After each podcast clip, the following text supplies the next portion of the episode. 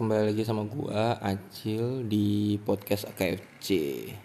Jadi uh, untuk kesempatan kali ini gua akan sendirian. Karena kondisi sekarang yang tidak memungkinkan uh, apa untuk ppkm ppkm dulu kan namanya psbb gue gue aja psbb sama ppk ppkm tuh gue nggak nggak apal kepanjangannya tuh apa. Cuman ya sudah lah intinya lockdown lah. Kalau gue ambil kasarnya lockdown. Jadi ya konten gue kali ini ya sendirian aja gitu sendirian. Dan karena gue sendiri jadi gue pengen ngebahas uh, seputar gue sih.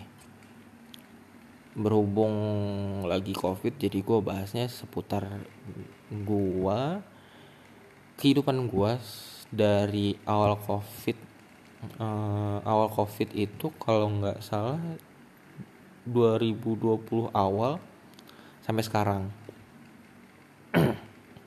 Nah uh, eh, gue mungkin ngejelasinnya nggak panjang cuman gue coba uh, perpendek sih. Jadi pas di awal 2020 itu kalau gue ya uh, gue lebih nggak lebih sih cuman gue agak ignore orangnya.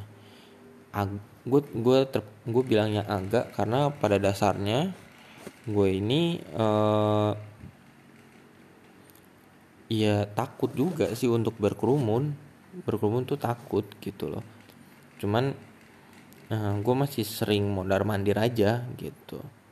Jadi pas yang covid pas awal covid datang itu kan masih belum lockdown total tuh tapi akhirnya di lockdown total karena ada lonjakan lumayan banyak pasiennya.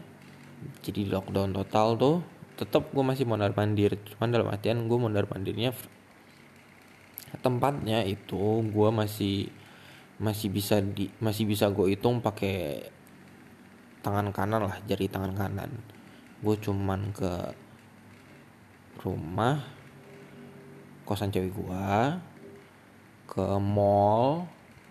Mallnya juga cuman mall itu doang. Terus paling ya kalau beli makan sih beli makan sama ke kantor. Beli makan ya di sekitar rumah lah sama ke kantor. Nah eh, apa namanya?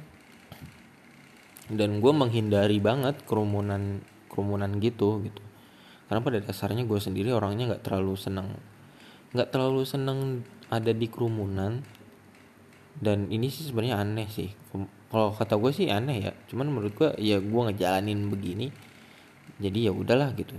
Jadi gue tuh punya punya kesenangan tuh gue gue pengen di tempatnya yang tenang tapi gue bisa ngeliat orang rame gitu. Dan itu kayaknya susah banget sih.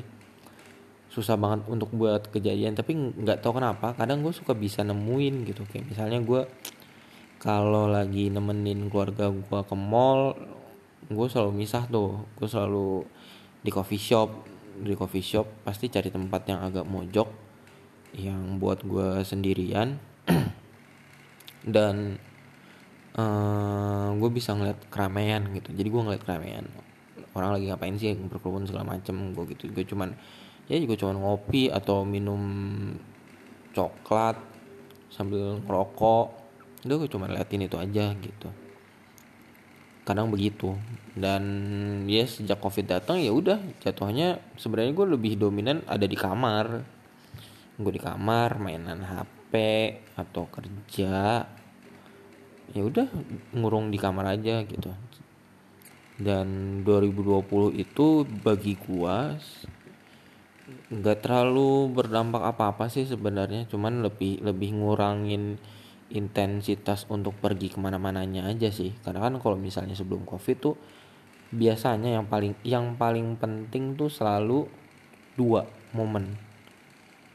Nggak dua momen sih cuman ada beberapa lah. Cuman yang lain ya itu terlalu personal jadi nggak usah diceritain lah. Nggak relate juga. Biasanya tuh momen lebaran sama momen tahun baru. Biasanya kalau momen lebaran itu gue sekeluarga pasti suka liburan liburan ke Bandung lah. Karena paling sering gue ke Bandung. Ke Bogor pernah beberapa kali cuman lebih seringnya ke Bandung. Dan itu juga Bandung cuman nginep di hotel terus paling ke beberapa tempat wisata yang dekat situ karena gue malas juga untuk macet-macetan apalagi dari Lembang lu tau sendiri kan. Dari Lembang tuh macetnya gila banget sih. Dan ya udah gitu. Paling di sekitar tanah kota Bandung Dago gitu atau di mana lah gitu. Pokoknya yang yang nggak terlalu macet lah gue paling biasanya kayak gitu. Atau di tahun baru ya biasanya gitu juga. Kalau nggak ke Bandung ke Bogor gitu nginep sehari sehari semalam atau dua hari semalam. Ya pokoknya begitulah. Jadi biasanya gue begitu. Cuman kalau yang sekarang dengan kondisi covid ini ya nggak ada yang kayak gitu. Dihindarin banget paling terakhir sih sebenarnya. Gue nggak tahu itu salah atau enggak. Cuman pas lebaran kemar lebaran tahun ini lebaran tahun ini itu gue sempet ke Bogor untuk makan-makan doang sih. Ya walaupun makan-makan doang ke Bogor ya. Itu kan sama aja ya. Cuman ya keluarga gue minta ke sana jadi ya gue ikutin aja. Gue ikutin aja lah. Ya gue cuman ya tau juga gue dibayar makan jadi slow jadi ya. Ya udah slow slow aja lah gue makan di sana ya kan. Tapi ya protokol kesehatannya di sana kebetulan alhamdulillah sih di sana bagus banget tuh. Gue nggak mau nyebut tempatnya cuman gue akuin di Bogor rata-rata tempat makan restoran maksudnya dia di protokol kesehatannya bagus-bagus. Jadi gue salut lah gue acungin jempol buat beberapa restoran kayaknya sih semua restoran di sana sih. Cuman parkirnya nggak tahu lah ya. Karena ada gitu yang restoran coba terus dia di posisinya tuh ya di pinggir jalan yang sering dilaluin mobil banyak mobil. Tapi dia parkirannya kecil. Lu pernah pasti pernah deh uh, ke restoran yang kayak gitu gitu. Jadi kalau gue sih ngeliatnya risih. Cuman kalau disuruh orang tua disuruh keluarga untuk di situ kayak ah udahlah yang penting gue dibayar makan gitu. Tapi tetap risihnya tetap ada. Nah jadi paling gue kemarin di situ. Cuma pas panjang 2020 itu gue bener-bener ya secara aktivitas gue berkurang banyak sih. Alhamdulillahnya dari segi pekerjaan gue masih oke. Okay. oke okay, dalam artian ya mungkin beberapa beberapa yang denger ini tahu lah kalau eh, berdampak ke perekonomian kita tuh lumayan banyak lah kayak misalnya ada beberapa perusahaan yang terpaksa uh, memphk kan karyawan. Bahasa halusnya sih merampingkan cuman kan itu akhirnya terpaksa di PHK atau ada perusahaan yang hmm, memotong gaji karyawannya gitu. Jadi dia nggak bisa bayar full. Jadi ada yang bayar setengah atau berapa lah gitu. Cuman yang gue dengar paling dominannya sekitar 50% dari gaji yang harus mereka bayarkan kan. Misal ya gampangnya misal gajinya uh, eh, 2 juta lah. Nggak mungkin lah ya. Terlalu kecil. Ya misal 2 juta gitu. Terus uh, eh, 50% berarti kan satu juta gitu sejutanya nggak dibayarkan. Ya menurut gue itu lumayan ya lumayan ini sih lumayan berdampak banget sih. Alhamdulillahnya bukan berarti gue kayak ya perusahaan lu kayak gitu perusahaan gue enggak dong perusahaan gue the best enggak cuman gue bersyukur aja perusahaan gue masih bisa berjuang lebih bagus lebih baik lah gitu. Ya namanya namanya rezeki kan rezeki orang kan beda-beda. Ada yang kurang bagus ada yang bagus. Cuman uh, di perusahaan gue mereka tetap survive gitu. Survive dalam artian uh, mereka berusaha untuk tetap membayarkan gaji karyawannya 100% Uh, THR-nya juga 100% tapi mereka dengan dengan menyesal dan minta maaf sih. Itu yang gue gue lebih gue lebih senang kalau misalnya ada sesuatu tuh kalau misalnya mereka nggak nggak bisa sesuai gitu bisa minta maaf. Karena gue sendiri juga selalu selalu kayak gitu gitu. Kayak misalnya gue minjem duit.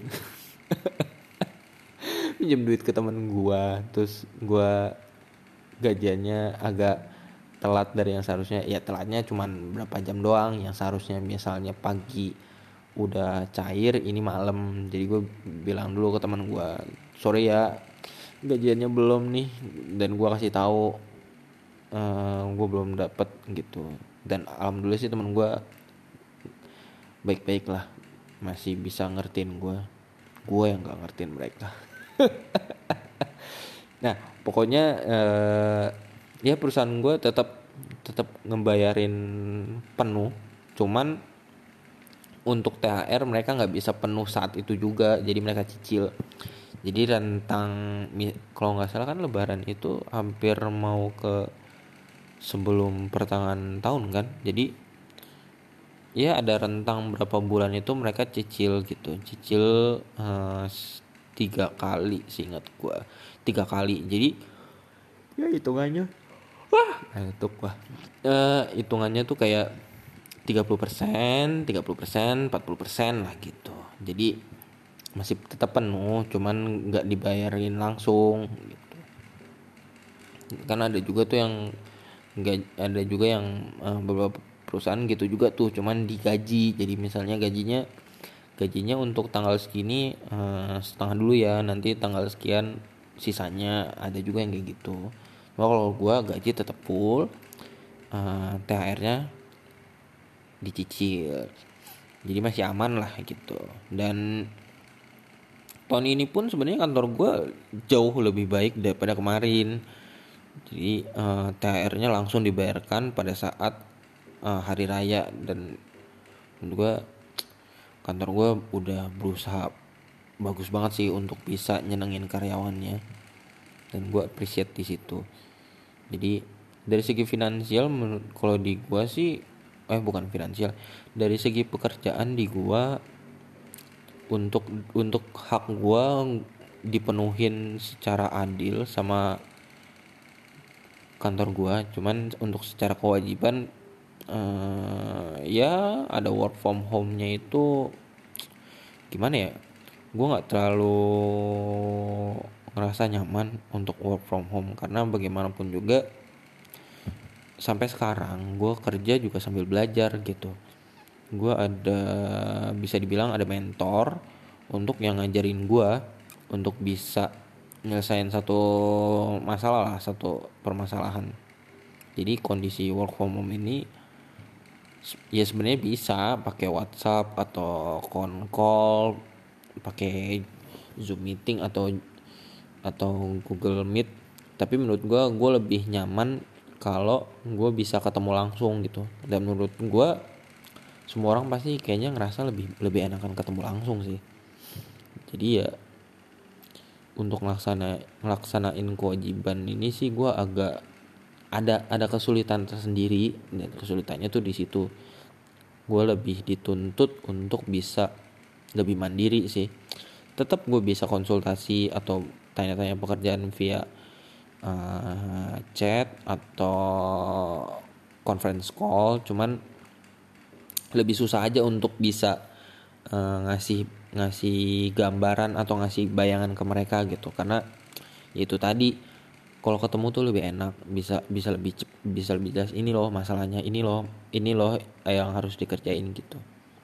Jadi secara pekerjaan gue di kewajibannya malah kalau menurut gue yang gue agak effort di situ tapi hak gue di dipenuhin secara adil jadi ya gue nggak masalah di situ. Terus untuk untuk dari keluarga gue sebenarnya ya biasa-biasa aja cuman kalau dari aktivitas gue bareng keluarga tuh ya berkurang untuk yang keluar keluar keluar rumah sih. Cuman paling kondisinya kalau dulu kalau misalnya ke mall ya gue selalu ikut ke mana ayo ke mana ayo. Cuman kalau sekarang gue lebih ya kalau misalnya mereka mau belanja bulanan ya udah. Mereka masuk mall gue tinggal ya gue tinggal di parkiran aja. Biasanya gue tidur atau ngerokok atau main game lah gitu. Jadi gue ya slow aja gitu. Mereka mereka yang masuk gue yang di mobil. Agak terkena terdengar kurang ajar sih cuman gue males sumpah apalagi kerumunan gitu gue malas sumpah. Malas banget. Ya emang gue orangnya malas itu gue akuin di situ. Tapi uh, ini bukan musibah. Pas yang pas gue kena covid itu gue nggak menganggap itu musibah. Justru gue menganggap itu kesalahan dari gue sendiri. Karena guanya yang emang secara sadar secara sadar ya gue nganggap gue secara sadar tuh nggak mematuhi protokol kesehatan yang benar gitu. Jadi ada satu momen uh, persisnya di awal-awal tahun ini gue kena uh, eh, gue sempat demam dulu sih. Gejalanya gejalanya tuh ag agak rentet gitu loh. Jadi gue demam gue demam itu sekitar dua hari sembuh.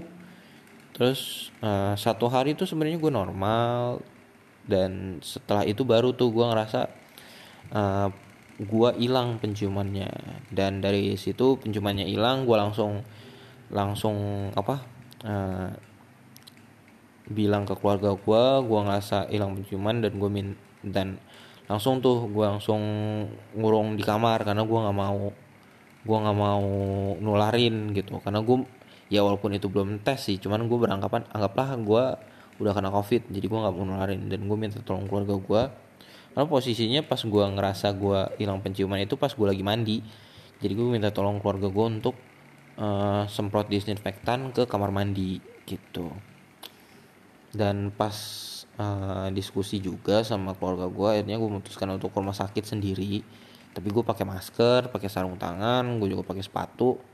Pokoknya gue usahain baju gue ketutup supaya gue ini sih menurut gue supaya gue nggak menularkan ke orang gitu. Jadi orang kalau ngeliat gue dengan harapan gue pakaian lengkap gitu pakai jaket jaket sama kupluk gue masker masker yang 95 itu N95 jadi kayak orang kalau itu kayak segen gitu jadi agak nyingkir. Gue lebih suka di lebih suka kondisi itu sih gue lebih seneng kalau orang nyingkir karena karena ada gue cuman ya guanya juga menyingkir juga gitu.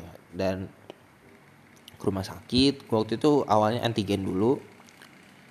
Uh, eh, gue bilang dulu ke dokter gue ada gejala gini gini gini gue minta tes darah sama tes tes antigen. Dokter sih langsung nyaraninnya PCR cuman gue bilang ke dok dok antigen aja dulu nggak apa-apa untuk mastiin untuk mastiin awal aja. Jadi dia tes darah ngambil darah gua terus tes antigen ternyata hasilnya positif tuh.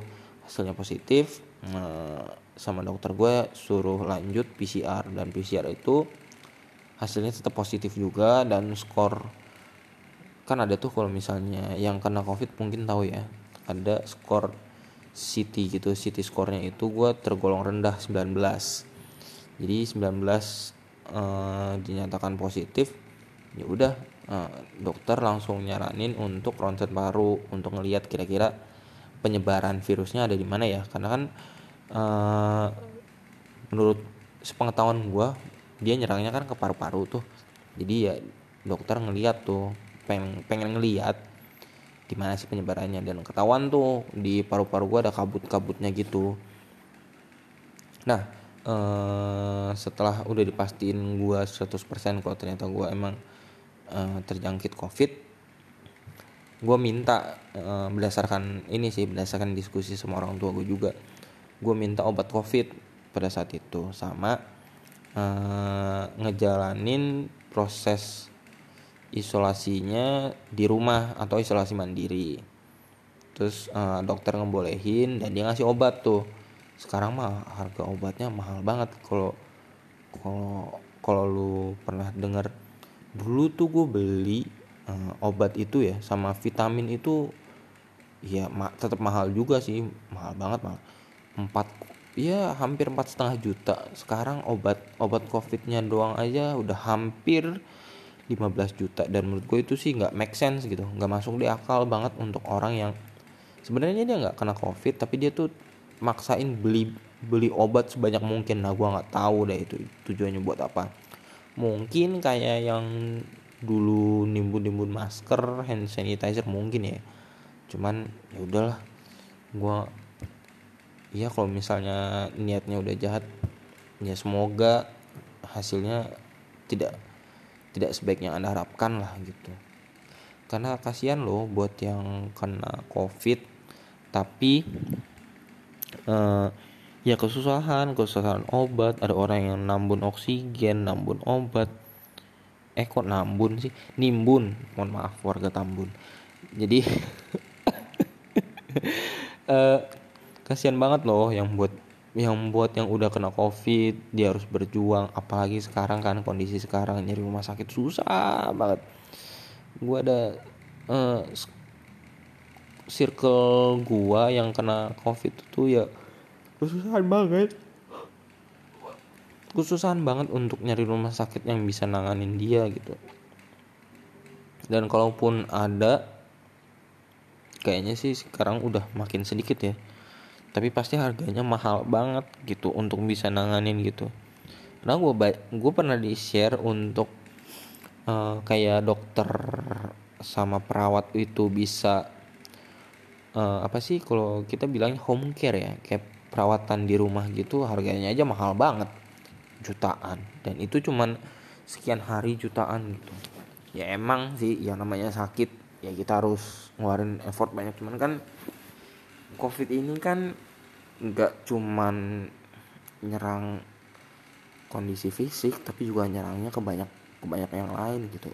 Kayak misalnya restoran aja. Mau sakit mau enggak kan sebenarnya kan ya orang pengen butuhnya makan gitu cuman ya bisa berdampak ke restoran itu ya udah ngebuktiin kalau emang covid ini ya lumayan berbahaya gitu. Di samping pandangannya udah bisa ya udah bisa dilakuin sendiri atau kalau kata gue sih bukan kata gue sih maksudnya saran gue sih jangan jangan pernah uh, man, jangan pernah isolasi mandiri tanpa anjuran dokter gitu. Karena mungkin gue ya dokter itu lebih lebih paham untuk nanganin kasus-kasus yang kayak gini gitu loh. Uh, ya itu jadi gue sempet sempet covid. Dua minggu kemudian gue tes um, berujung negatif alhamdulillah. Tapi keluarga gue tetap uh, nyaranin untuk istirahat. Jadi nggak karantina cuman kayak udahlah di kamar aja pemulihan. Karena ya emang bener kata orang gua orang tua gua uh, pemulihan itu perlu karena sembuh covid itu badan sih masih lemes. Masih lemes masih gampang capek. Jadi ya ya udahlah emang bagus buat gue juga ya jadi gue turutin apa kata kata orang tua gitu. Dan covid yang kena di gue kemarin tuh sebenarnya varian yang lama. Jadi penanganannya tuh masih enak. Masih ya masih lebih baik lah daripada sekarang gitu. Kalau yang sekarang kayaknya mengkhawatirkan gitu. Malah yang lebih nyeseknya itu sudah mecahin rekor berkali-kali gitu. Dan untuk ya gue bukan maksudnya nyumpahin yang kena covid langsung meninggal cuman kan yang meninggal karena covid pun aja masih kesusahan gitu untuk ya untuk bisa beristirahat dengan tenang gitu. Penguburannya mesti ngantri segala macam kasihan ya kasihan keluarga terdekat. Mesti nunggu biar supaya prosesi penguburannya selesai gitu. Jadi ya ya lumayan membahayakan lah kalau yang sekarang gitu bukan berarti yang baru tuh lebih baik tetap yang baru juga berbahaya. Buktinya kan eh, sebelum varian delta itu kalau gue nggak salah ingat jumlah orang yang terjangkit covid udah udah nyentuh satu juta di Indonesia gitu. Dan apalagi yang varian delta ini bikin lonjakan. Ya lonjakannya kenapa? Ya gue nggak perlu kasih tahu lah. Mungkin orang-orang pada tahu kenapa. Cuman ya kalau ngeliat sekarang tuh bawaannya sedih. Karena apalagi semalam nggak semalam sih. Subuh tadi gue dikabarin kalau ada uh, bukan kerabat sih jatuhnya cuman menurut menurut abang gue tuh dia udah kayak keluarga banget gitu. Karena teman seperjuangannya kuliah dan dia juga sempat bantuin gue di awal-awal gue kuliah untuk ngurusin kosan pelajaran segala macam. Jadi gue ngerasa dia berkom ber ya berkontribusi besar lah untuk awal-awal di gua. Dan ya dan ya sedihnya dia kena covid covid delta ini. Dan lebih parahnya dia ada penyakit bawaan yaitu diabetes. Jadi dia meninggal semalam dan abang gue sih ngabarinnya subuh. Dan itu lumayan bikin shock sekeluarga juga karena keluarga gue kenal deket juga sama dia gitu. Jadi ya di circle gue udah mulai banyak yang kena dan gue ngerasa nggak nyaman sama situasi seperti ini.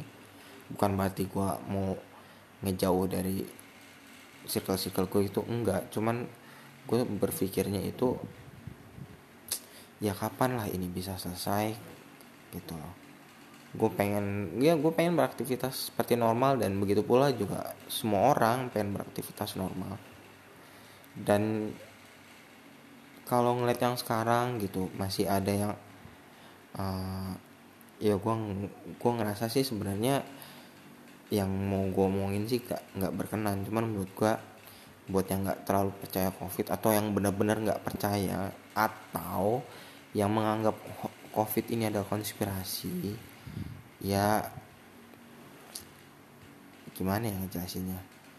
Jangan nyusahin orang lain aja sih kalau di gua. Karena ya walaupun ada covid atau enggak konspirasi atau enggak dari segi pemerintah him apa? Kok dari segi pemerintah. Dari himbauan pemerintahnya pun itu juga udah paling bagus. Suruh jaga kebersihan jaga kesehatan sama peduli sama lingkungan sekitar itu udah udah paling penting gitu. Dan itu pun walaupun nggak ada covid juga tetap harus digalakkan juga karena ya balik lagi saat itu mahal banget gitu. Mahal banget apalagi sekarang. Malah ada kemungkinan kesehatan itu nggak bisa dibayar pakai uang.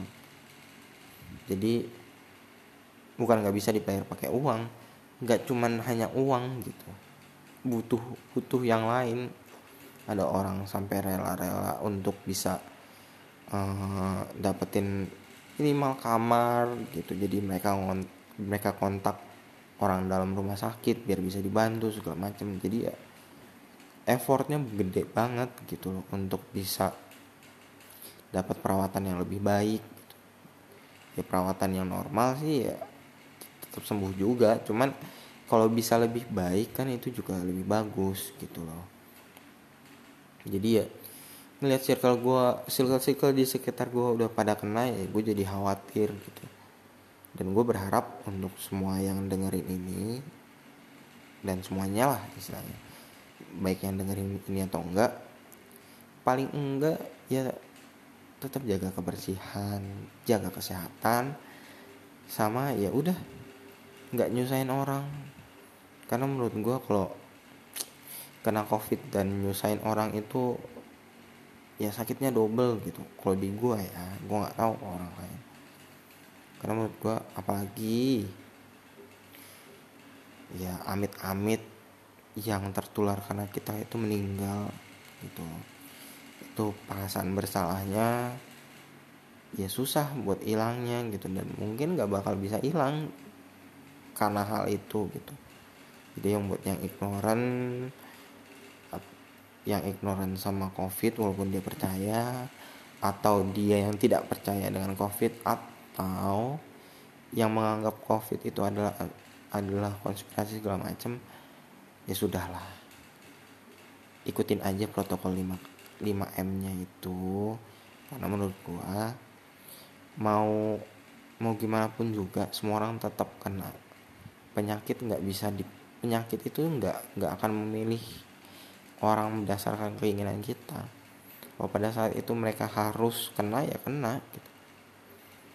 walaupun nanti di di dalam ruangan itu bakal bakal ada yang kena tapi kitanya nggak kena ya udah gitu.